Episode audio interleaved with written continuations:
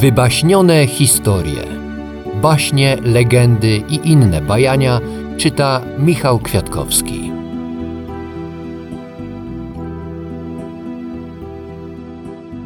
Legenda o smoku wawelskim. W dawnych czasach, zanim plemiona słowiańskie połączył Mieszko I, na wzgórzu wawelskim wyrósł gród, którym władał zacny król Krak. Księstwo było piękne i bogate. Poddani Kraka cieszyli się, że mają tak dobrego władcę i wspaniały gród, który od jego imienia nazwano Krakowem. Król miał również piękną i mądrą córkę Wandę. Kraków szybko się rozwijał, a do jego bram przybijali ludzie z sąsiednich plemion. Wśród pielgrzymów poszukujących szczęścia znalazł się młody szewczyk imieniem Skuba, którego do Krakowa przygnała pogoń za własnym warsztatem szewskim. Mieszkańcom Krakowa życie wpłynęło w szczęściu, a dni mijały beztrosko. Pewnego dnia ich spokojne życie wypełniła groza. Oto na niebie pojawił się ogromny smok.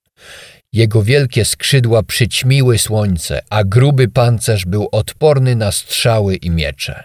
Smok zamieszkał w jaskini pod wzgórzem, nie zwracając uwagi na ludzi, którzy w swoim czasie mieli stać się jego posiłkiem.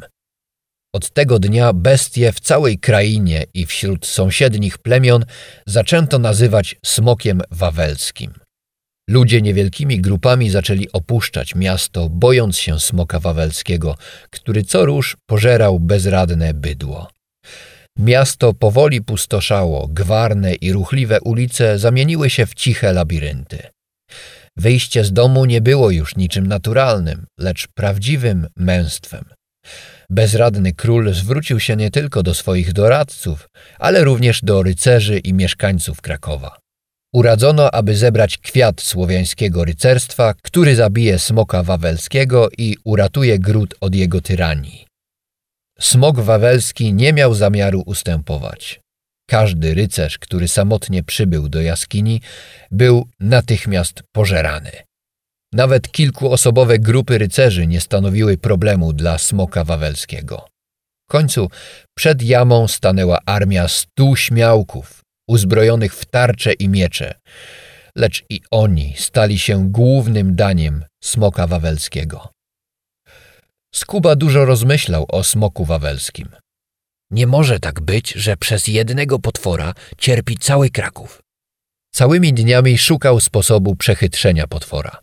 Kiedy lamenty mieszkańców ucichły i ludzie opuścili warsztat, w którym pracował, poprosił majstra o baranią skórę, z której szyje się kożuchy.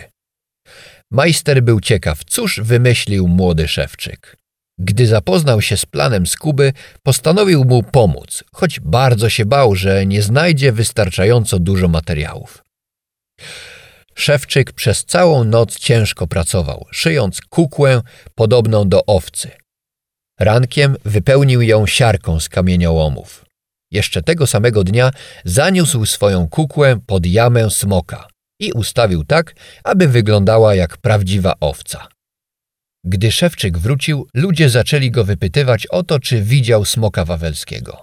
Skuba odpowiedział, że smok wawelski śpi w jamie, po czym opowiedział wszystkim o swoim planie. Wtedy rozległ się przeraźliwy ryk. Smok wawelski musiał się obudzić i pożreć owce. Ludzie zaczęli wchodzić na mury miasta, aby lepiej widzieć bestie.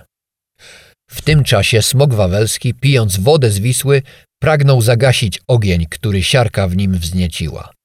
Bestia nie potrafiła się opanować. Mimo pełnego brzucha smok wawelski pił więcej i więcej, aż z nadmiaru padł martwy.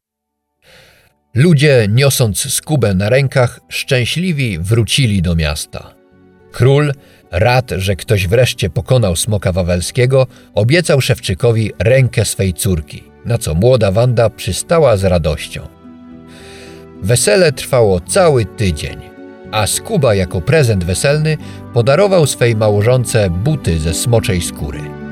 Dwa lata po ślubie Wanda urodziła piękną córkę Żagannę.